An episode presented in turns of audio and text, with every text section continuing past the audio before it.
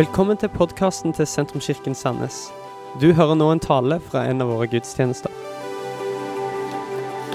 Så er det høsttakkefest, og det er høsttakkeoffer, Og vi har snakket så vidt denne måneden om eh, Vi snakket denne høsten om fornyelse, og denne måneden så har vi vært innom dette med en fornya glede. Og Det å finne gleden over ting. og det er det er viktig i det, og det gjelder generelt i livet. at en, eh, Skal en lykkes i livet, så trenger en å gjøre seg gode vaner. En trenger å forplikte seg til noen ting. Eh, og en, en må liksom ha eh, noen rammer som en følger. Skal vi bare være følelsesstyrte og bare gjøre det vi har lyst til Dette er noe som en trenger å lære ungene, men dette er òg noe som vi trenger å lære oss voksne i den tida som vi lever, hvor liksom nytelse er på en måte det høyeste gode hele tida så trenger vi å få på plass noen rammer rundt livet der vi er forplikta, der vi har vaner, og der vi gjør noen ting fordi vi har sagt ja. Men når det er på plass, så er det jo veldig trist hvis alt en gjør hele tida, det gjør jeg fordi det er en vane og fordi det er en forpliktelse. Eh, vi ønsker jo Jeg ønsker jo at mitt eh, og Vestna sitt forhold, kona mi, det, ikke, det, det må jo være basert på forpliktelse, men det er jo veldig trist hvis jeg setter meg ned og sier nå, la oss snakke litt sammen nå, for det er jeg forplikta til å gjøre. Eh, og La oss nå bruke litt tid sammen, for det har jeg lovt deg. Eh, jo, men la oss finne på noe sammen nå, for det er jo vår vane. Eh, det, det er noe bra i det å finne fram til gleden. Gleden over å være sammen, gleden over å komme, gleden over å tjene. Og jeg har lyst denne høsttakkefesten å sette fokus på gleden ved å gi. Og før du på en måte parkerer vekk og, eh, og sier 'det har vi hørt før', eh, så har jeg lyst til å komme fra en litt annen vinkel eh, i dag. Takknemlighet, minimalisme, bærekraft og giverglede. Det hører sammen.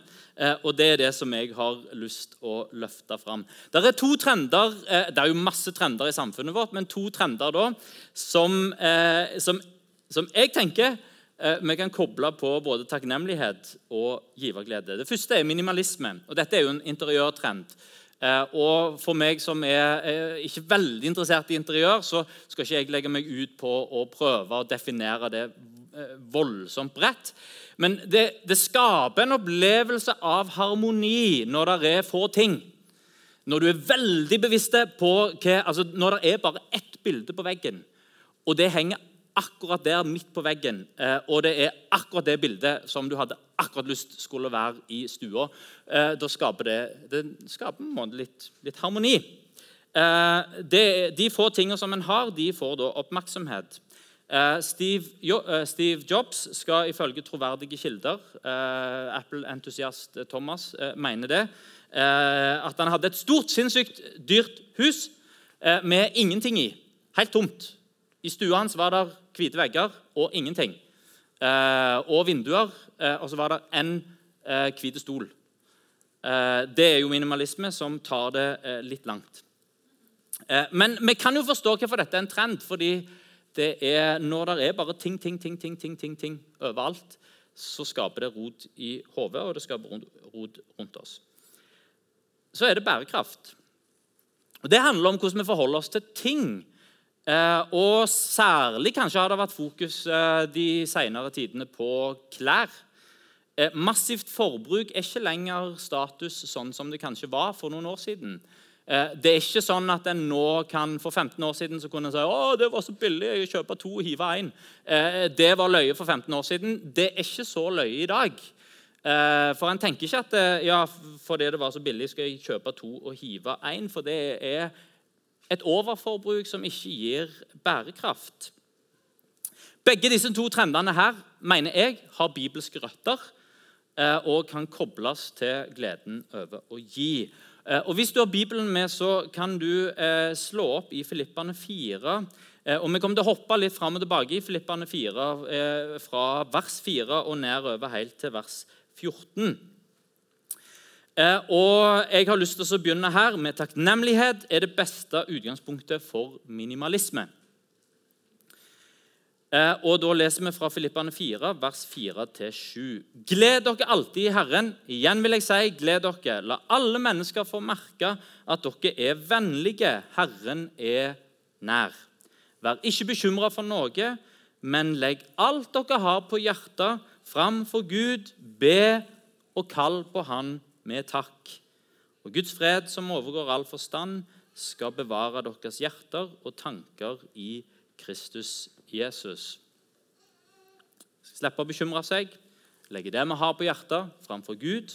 Og vi legger det vi har på hjertet, framfor Gud med takknemlighet. Eugene Peterson han sier det at takknemlighet i sin messageoversettelse av Bibelen sier at eh, takknemlighet det er den kristne dialekten. Og Det hører vi i dette verset her. Der er Takknemlighet ligger unna her som en, sånn, som en dialekt, som en lyd, som Her er der Ja, jeg legger fram det som jeg har for hjertet, for Gud. Så ber jeg til Han, så kaller jeg på Han, og så gjør jeg det med takknemlighet. Eh, Marie Kondo har blitt verdensberømt fordi hun er flink til å rydde. Eh, og Det forteller kanskje litt om vår tid, når du kan bli eh, ei stjerne fordi du har ryddefilosofi. Nå er ikke hennes greie nødvendigvis minimalisme, men hun vil hjelpe den som hun hjelper, til å kvitte seg med det som er overflødig. Og I hennes ryddefilosofi der er det jo masse morsomme greier. Eh, og interessante, bra greier. Og så sier hun at alle ting i huset må ha et hjem. Eh, hvis ikke blir det rot. Så i det øyeblikket du tar noe inn i huset, og det ikke har et hjem, så blir det liggende på kommoden, eller en bare hiver det en plass, og så beveges den plassen rundt. Og når det etter hvert er mange gjenstander som ikke har et hjem, eh, så blir det, så blir det rot. Så alle må ha et hjem. Ingenting kan ligge på tilfeldige steder. Så nå skal du gå gjennom alt. Har du klær, f.eks., skal du hive alle klærne eh, fram fra skapet. skal du gå gjennom hver enkelt eh, klesplagg. Og så de klærne du skal kvitte deg med. Før du kvitter deg med dem, så må du si takk. Det er viktig. Tusen takk, T-skjorta, for eh, all den gleden som du har gitt. Men nå er vår tid sammen den er forbi. Takk. Du, og, og, så, eh, og så kvitter en seg med den. Eh, og så hva tar en da vare på? En tar kun vare på det som gir glede. Så en skal se på hver eneste ting. Det gjelder alle klærne, det gjelder alle bøkene. Eh, jeg har ikke våget å gjøre det ennå. Eh, det vil ta tid. Gir denne boka meg glede? Gir dette klesplagget meg glede? Nei, det gir meg ingen glede. Da er det, da er det vekk med den. Tusen takk. Eh, og så er det vekk med den. Da sitter en igjen til slutt med bare ting som gjør deg glad. Nå vet ikke jeg om dette er en veldig kristen tanke, men det minner om en kristen tanke. Det er ikke en dum tanke, og det minner om takknemlighet. Takknemlighet over det som du har. Det gjør deg glad. Og Minimalisme det kan begynne der takknemligheten får lov å sette seg. Der takknemligheten over de tingene som du har, setter seg dypt i oss. Så er det ikke sånn at vi må jage etter stadig nye ting. Nei, for jeg er takknemlig med det som jeg har. Jeg tror det er et problem i vår tid at vi fyller livet vårt med billig skrot som vi ikke har jobbet for, og som vi heller ikke er særlig glad for. Jeg har lyst til å gi et eksempel. Jeg er interessert i fugler, eh, som kanskje en eller to av dere vet. Eh, og når en er interessert i fugler, så er det noen ting du trenger. Eh, jeg har teleskop. Det kjøpte jeg for pengene som jeg fikk på konfirmasjonen min. Kosta 5500 kroner da tilbake i 1991. Eller hva tid det var. Nei, det var ikke det engang. Det var, det var før den tid. Det var i 1990. Eh, og i alle disse årene, En trenger jo òg en kikkert. I alle disse åra har jeg hatt kikkerten til min farfar. Eh, den er fra annen verdenskrig. Eh, og den har eh, tjent meg bra. Og så har jeg tenkt ja, men jeg må jo kjøpe meg en ny kikkert. Og det er så fort gjort at en da går og kjøper seg en skrapkikkert. Og når en kjøper seg en skrapkikkert, så blir det gjerne til at skrapkikkeren blir ødelagt, eller at en glemmer den, eller at en får vann på den, og så må en kjøpe en ny skrapkikkert. Så jeg har holdt meg med denne annen verdenskrig-kikkerten til 40-årsdagen da for alle, for alle gavene, for alle pengegavene som kom til min 40-årsdag, så gikk jeg og kjøpte en Seis-kikkert. Og Det fine med en Seis-kikkert er at den er akkurat den jeg har lyst på. Det er den jeg har drømt om alle disse åra. Det er The Ultimate kikkert. Eh, og jeg vet at den går ikke i stykker, selv om jeg mister den i bakken. Den blir ikke ødelagt om man får litt vann på seg. Eh, og ikke bare at jeg har en kikkert for resten av mitt liv, men det er et arvestykke som mine barn kommer til å krangle om. Hvem skal få pappas kikkert? Vet du hva, Jeg vil heller ha én skikkelig kikkert og vente til jeg er 40 for å investere i den dyre som jeg har lyst på enn å ha masse skrapkikkert, eh, skrapkikkerter opp. Eh, ser du tegningen? Hvor fort vi har dette behovet for instant gratification. Jeg må ha noe nå, og så handler jeg nå fordi jeg trenger nå. Og så handler jeg det nå fordi jeg trenger nå, og så fyller vi opp hjemmet vårt med billig skrot. Bare tenk over hva slags klesplagg du bruker. Det er de klesplaggene du er glad i.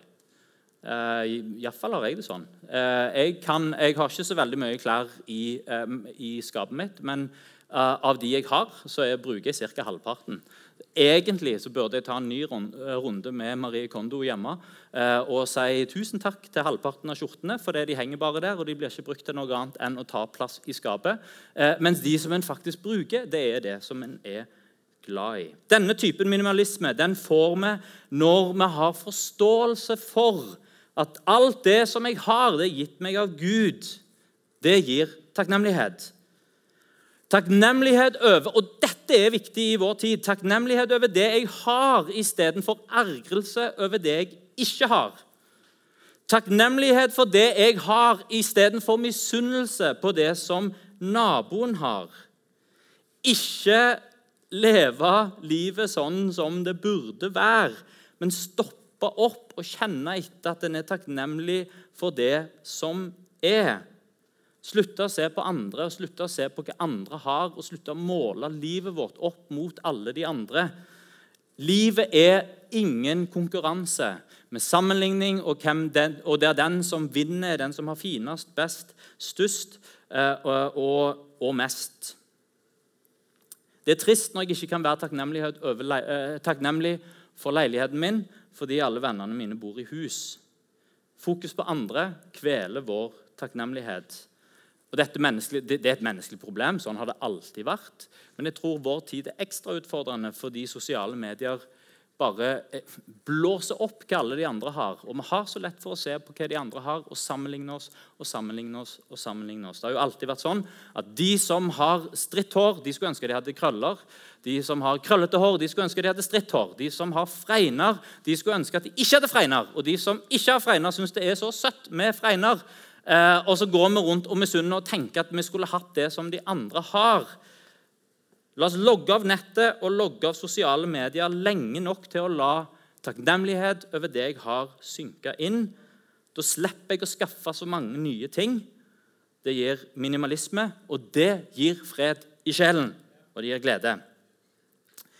Den andre tingen handler om bærekraft, å klare seg med det en har. og Filippane 4, 11-12 sier det er Paulus som sier til kirka i Filippi. Jeg sier ikke dette fordi jeg leid nød, for jeg har lært å klare meg med det jeg har. Jeg vet hva det er å ha det trangt, og jeg vet hva det er å ha overflod. I alt og i alle ting så jeg innvier å være mett og være sulten og ha overflod og lide nød. For jeg lurer på om av og til så kan minimalisme som en interiørtrend og som en måte å tenke på kan bare skape mer forbruk. Fordi sånn, eh, Noen ganger i året så går en gjennom alt, og så kaster en masse. Og så ser en å, så gøy! Huset mitt er nesten tomt. Skapet er nesten tomt. Nå kan jeg bruke det neste halve året på å fylle det opp igjen. Eh, og så eh, går en og så kjøper mer ting. Tipper det er mange som har kvitta seg med halvparten av klærne. Og som klapper seg sjøl på skulderen. og Så går det en liten stund, så kjenner en abstinensene. Eh, og Så faller en ut på kjøret igjen og fyller opp skapene. Eh, jeg leste en artikkel fra eh, Afrika, om klær i Afrika. Der eh, er bruktklær fra Europa i ferd med å kvele lokal tekstilproduksjon. Hvorfor? Fordi at vi i vår store sjenerøsitet tenker vi bytter ut klærne hele tida, men hva skal vi gjøre med de klærne som ikke er ødelagt? Jo, vi må jo gi dem til noen som trenger det. Så det er et hav av bruktklær som oversvømmer eh, bl.a. Afrika. Eh, og der det er mye billigere å skaffe seg eh, bruktklær fra Europa, og der det da kveler den lokale tekstilproduksjonen. Det er jo fint at vi vil gi videre det som vi ikke trenger sjøl, men det kan nok tenkes at det er mye vi kunne klart oss uten i utgangspunktet. Å lære seg å være eh, fornøyd med det en har. Mine svigerforeldre fra Makedonia de, har, de finner glede i å klare seg med lite. Eh, akkurat nå de har et weekendhus i landsbyen der svigerfar kommer fra. Eh, der har de en liten hage. Der dyrker de nesten all, eh, eh, veldig mye av maten de spiser. Akkurat nå spiser de mye gresskar, for det er bare kjempesvære gresskar som vokser i den grønnsakshagen deres. Eh, og De sitter der, og de er ikke logget på TV. Eh, og, og Kona mi har snakket med dem i dag. spør hva gjør dere for noen ting. Nei, vi sitter og leser bøker og er ute i hagen og snakker sammen. Og lever liksom enkelt. Og, og Vesna sa til dem at dere er kjempemoderne uten å være klar over det. Altså, de, de er, de er, det, det, er jo dette mange snakker om. Leve det enkle livet. og de har lært seg å glede seg over det enkle liv. En ser det på programmer som På tur med Lars Monsen. Altså det er Folk som er vant med å ha alt rundt seg. Og så kommer en opp i fjellet, og skal bare, en har, det du har med deg, er nok til å putte i en sekk. Og så er greiene bare Du skal fiske litt, og du skal spise litt og gå litt. Og så er bare liv, det er bare ting som kommer til ro. Jeg tror det er en grunn for at vi elsker å se programmer som der hvor ingen kunne tro at noen kunne bo. Altså, nå kan det hende at vi ikke tar steget og bor der, men vi syns det er veldig fint å se på noen som bor enkelt. Og En kan se på dansken som driver med, den danske bonden som driver med selvbergingsjordbruk, eller, eller oppfinneren utenfor Flekkefjord som bygger drømmetårn, og som har eh, en, masse livsnære prosjekter som han driver på og sysler med hendene sine. Det appellerer til oss om å klare oss med det som vi har. Thomas Sjødin sier at mye av det gode i livet det kommer mens vi hviler. Han fortsetter med å si at det er mye som vi ikke må. Og Her kommer det et like dypt ordtak fra eh, unge Kvammen. Det er mye du ikke trenger. Eh, hvis vi lar det synke inn og virkelig tror på det Det er mye jeg ikke må, og det er mye jeg ikke trenger. Reklamen til en ikke navngitt eh, butikk i Langgata, en nisjebutikk med mye kvalitetsgreier. Egentlig en butikk jeg liker veldig godt. Eller det vil si, kona mi liker den veldig godt. Eh, radioreklamen deres sier ikke fordi du trenger det, men fordi du bare må ha det. Vet du hva det høres ut som?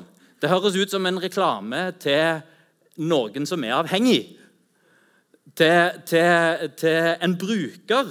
Ikke fordi du trenger det. Dette som vi selger her, trenger du ikke. Men du bare må ha det.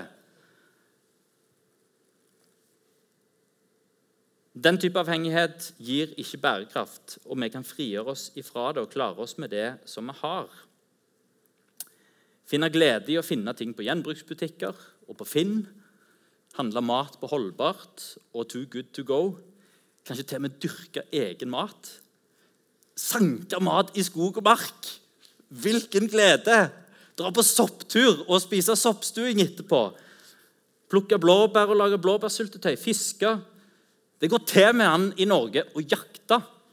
Hvilken glede. Og noen driver jo og får parseller av, eh, av sånn felles eh, sånn, eh, Jeg husker ikke hva det heter for noen gang, men når du har et jord, jordbruk sammen med andre, og en kan høste sine egne poteter jeg snakket med Marie Gray, som er vår forsamlingspastor i Stavanger. Hun sa så fin, jak så fin jakke du har fått deg. Ja, jeg har lagd den sjøl og hadde sydd den av et ullteppe. Og den var fin òg. Gleden i å klare seg med det en har, det gir en bærekraftig livsstil. Både for oss og for kloden. Å glede seg over gjenbruk og gi ting nytt liv. Det gir oss glede. Og så til slutt her så finner vi gleden i å gi istedenfor å shoppe. Eh, og Filippane 4.10 og 4.14 så sier Paulus det gleder meg stort i Herren at deres omsorg for meg nå skyter nye skudd. Dere har nok hatt omtanke for meg før òg, men hadde ikke muligheten til å gjøre noe med det. Likevel gjorde det meg godt at dere sto sammen med meg når jeg var i nød. Ikke alle liker når en snakker om økonomi og penger og forvaltning, om giverglede og om sjenerøsitet. Jeg tenker at dette er en så viktig del av det moderne samfunnet at å utelate dette området fra troen det blir, det blir helt feil. For Bibelen er ikke tause. Eh, den er langt fra tause. Og en sjenerøs innstilling og en sjenerøs praksis det er en helt essensiell del av både Bibelen og av evangeliet. For evangeliet, det er tjenerskap, og evangeliet, det er sjenerøsitet. Evangeliet er Jesus' sin selvoppofrende tjeneste for meg.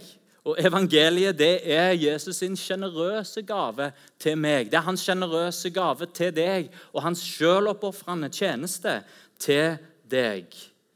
Da kan jeg tjene sjøloppofrende sånn som Jesus har tjent. Og da kan jeg gi sjenerøst sånn som Jesus har gitt. Paulus har, eh, eh, har, ikke veldig mange direkte sitat fra Jesus, men ett av de er som Mesteren har sagt oss, det er saligere å gi enn å få. Altså det er lykkeligere. Det gir mer lykke å gi enn det gir å få. Det er for øvrig det samme som min ikke navngitte bror skrev på et kort til mor og far eh, når han var, eh, gikk på barneskolen rett før jul. Eh, husk, mor og far, det er saligere å gi enn å få.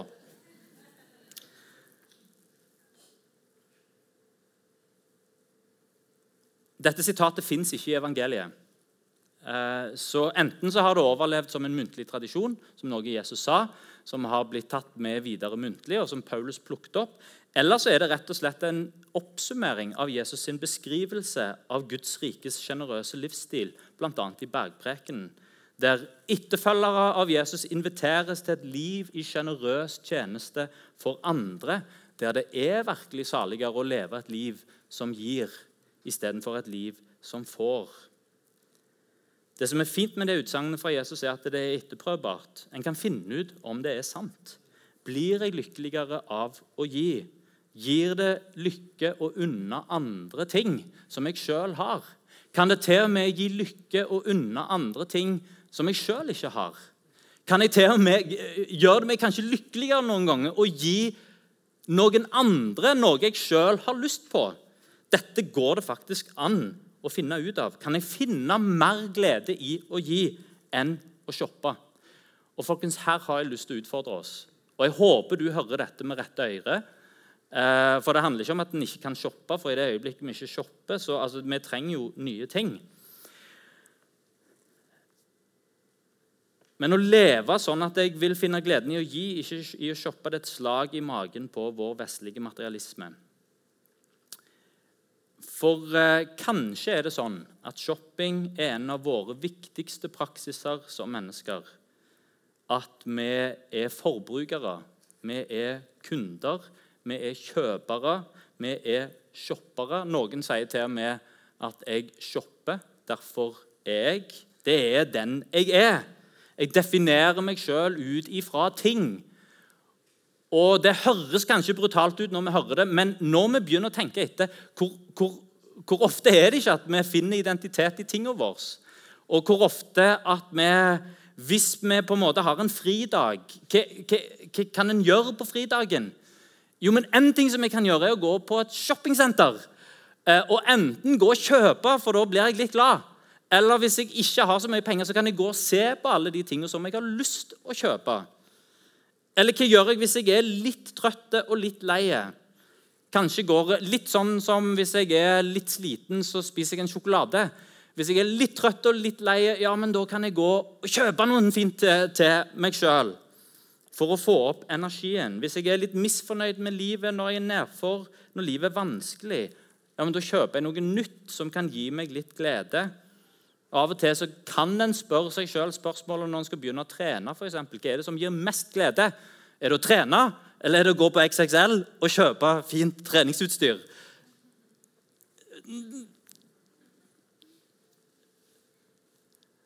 Som sjokolade gir, eh, gir ganske kjapp energi, så kan shopping gi kjapp glede for den som er sliten.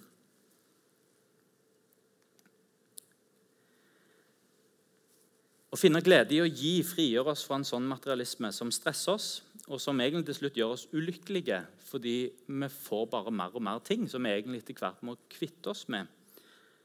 Takknemlighet over det som vi har, og det å klare seg med det som en har, det gir oss minimalisme, og det gir oss glede. Hva skjer hvis en lever sånn? Og hvis en skal være eh, helt ærlig, og det må en jo være For de fleste nordmenn, hvis en lever på den måten, så vil en ha veldig mye til overs. Hva gjør vi med det som er til overs, hvis jeg klarer meg med det jeg har, og er takknemlig med det jeg har? Hvis jeg finner glede i å leve bærekraftig? og en materialistisk minimalisme. Som, eh, de som ofte er flinke på det og klarer seg med lite, de blir ofte gniende og gjerrige. Og så er det egentlig det som en samler på, det, eh, det binder en igjen, for det er vanskelig å kvitte seg med det. Eh, og For flere hundre år siden, etter liksom den protestantiske reformasjonen, så sleit puritanerne med mye av det samme. Eh, fordi det, eh, de hadde som ideal å klare seg med det en hadde. altså en Nøysomhet. det er et eh, ideal. Og så var det samtidig òg et ideal å være arbeidsom. Så en skulle jobbe eh, seks dager i uka til å jobbe og skape, og det skulle en gjøre, og det skulle en gjøre skikkelig. Eh, ærlighet var òg et ideal. Og så var kvalitet et ideal. Å gjøre sin jobb skikkelig. Og hva skjedde med de nøysomme puritanerne som jobbet hardt, og som gjorde skikkelig arbeid, eh, og som var ærlige, eh, og, og, og som en kunne stole på? Jo, de, jo, de fikk et kjempeproblem, for mange av de ble veldig, veldig rike. Men hva skal vi gjøre med alle pengene? For vi, må, vi skal jo leve nøysomt. Og det puritanerne endte med å gjøre, var å investere overskuddet, og så ble de enda rikere. Og så ga de fra overskuddet. De bygde, de bygde kirker, de bygde diakonalt arbeid, utdanningsinstitusjoner, og de bygde samfunnet med det som ble til overs. Og Det er dette jeg har lyst til å oppmuntre oss til. Å finne gleden i å leve enkelt, være takknemlig for det vi har, for så å finne gleden i å gi i det å bygge noe. Sånn som Digital minimalisme det kan gi autentiske relasjoner. Sånn kan materialistisk minimalisme gi sjenerøs giverglede. I begge tilfeller så trenger en å logge av det som gjør oss slitne, og koble på det som gir mening og gjør oss glad. Og Bandet kan egentlig komme opp og så gjøre seg klar. Frans av Assisi han eh, det er et navn som kanskje er kjent for, eh, for mange. Eh, tiggermunken var rikmannssønn og hadde absolutt alt, men han var ikke lykkelig. Han sa fra seg hele arven sin, ga vekk alt han eide. Og Historien forteller at eh, til slutt så sto han faktisk på torget og ga fra seg til og med klærne som han sto i. Ga fra seg absolutt alt. Og Hans far ville ikke ha noe med han å gjøre. Eh, og eh, Fortellingen eh, forteller at en gammel biskop kom og la kappen rundt han etter han hadde gitt fra seg til og med klærne som han sto i, og sa 'Jeg skal forsørge deg'. Og det er klart Frans av Assisi var ekstrem og levde til tider med å tigge til livets opphold. Men den orderen som han grunnla, fransiskanerne, har gitt seg sjøl i sjenerøs tjeneste for de fattige. Og Frans av Assisi sjøl fant både mening og glede i det helt enkle. Eh, og den nåværende paven, Frans, han er jo kjent for sin tjeneste for de fattige. Og Han har sitt navn fra tiggermunken Frans av Assisi. Han tok det navnet, for han er òg fransiskaner, som har funnet gleden i det enkle. Og Det sies om Frans, eh, den nye paven, at når han kom inn i liksom all sus og dus Han ville ikke ha Eh, den flotte bilen. Han ville kjøre i en vanlig bil, sånn som eh, vanlige folk. Sa fra seg mye av den luksusen som paveembetet som følger med, for han har funnet gleden i det enkle. Du kan se på hans ansikt at det fins glede i det ansiktet. Han smiler ofte. Nå vil jeg ikke at du skal høre eh, feil her igjen, og det regner jeg med at du ikke hører. Det er ikke snakk om å gi vekk alt du eier, og gå ut på torget og gi vekk klærne dine òg. Ikke gjør det. Men der Frans av Assesis var ekstrem, der kan vi kanskje lære noe av det prinsippet. Vi dyrker takknemlighet, Vi dyrker det å klare seg med det som en har, og bruke overskuddet fra en sånn livsstil til å gi seg glad. En trenger ikke gjøre som Frans av Assisi og gi vekk alt. Men en kan gi vekk noe. Kirka i Filippi ga til Paulus ut av omsorg for Paulus og for hans behov. Ved å gjøre det så var de òg del av Paulus sin tjeneste, og med at han utbredde Guds rike. Samtidig så var det òg en personlig gave de ga til Paulus fordi han var deres bror, han var deres venn og en mann som de var glad i. Og Når en kniper inn i en minimalistisk livsstil, materialistisk minimalistisk, så kan en gjøre akkurat det samme. En kan investere inn i Guds rike og være med å få en del i det som Kirka gjør. Si jeg vil investere av mitt overskudd inn i det. Og så kan en gjøre det samme som filipperne gjorde med sin gave til Paulus, som jo ble begge deler. Det blir både en investering inn i Guds rike, sånn som vi gjør nå med høsttakofferet. Og så blir det òg en personlig gave.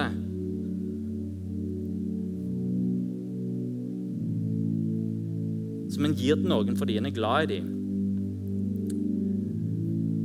Og jeg har hatt så lyst en søndag til å oppmuntre alle til å ta opp telefonen. Tenke på noen som du er takknemlig for. Og så vippsa de en sjenerøs gave. Tenk hvis alle vi hadde gjort det nå. Men Du skal få slippe å gjøre det, men du kan ta det med deg hjem ifra denne gudstjenesten. Kanskje er det noen jeg kan gi en oppmuntring. Istedenfor å bruke de pengene på meg sjøl, så er det noen andre som kan bruke de Kanskje til å gå ut og spise, kanskje til å betale en regning, kanskje til å kjøpe noe som de har lyst på, gjøre noe gøy. Jeg har lyst til å oppmuntre oss til å leve på en sånn måte at vi får rom og marg i økonomien vår til å være sjenerøse. Både til å kunne investere sjenerøst inn i Guds rike, men òg til å kunne velsigne folk rundt oss. Til å kunne spandere kunne kjøpe noe for andre, kunne gi en stor gave. Noen ganger kan vi spare. Spare opp penger som vi kan gi vekk. Når noen har det vanskelig og økonomisk, ikke bare gi sympati, men kanskje å gi konkret hjelp. Tenk ei hel kirke som er takknemlig for det som Gud har gitt, og som klarer å leve sånn at livet mitt er bærekraftig. Jeg klarer meg med det jeg har. Jeg trenger ikke nye ting hele tida. Og jeg finner mer glede i å gi enn i å shoppe. Gir tilbake til Gud i takknemlighet, og som gir for å velsigne de rundt seg. Herved er invitasjonen gitt, og vi kan reise oss. Dette var slutten på denne talen. Håper du har blitt inspirert. Om du har lyst til å vite mer om hvem vi er, eller hva vi gjør, eller har lyst til å høre flere podkaster, så kan du besøke vår nettside sentrums.no.